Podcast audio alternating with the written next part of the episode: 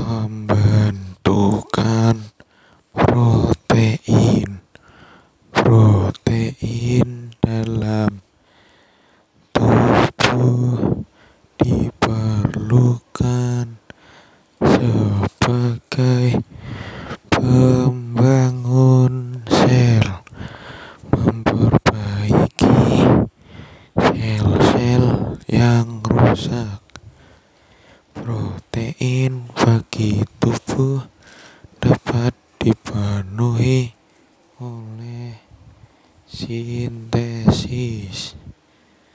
dalam tubuh atau diambil dari sumber makanan.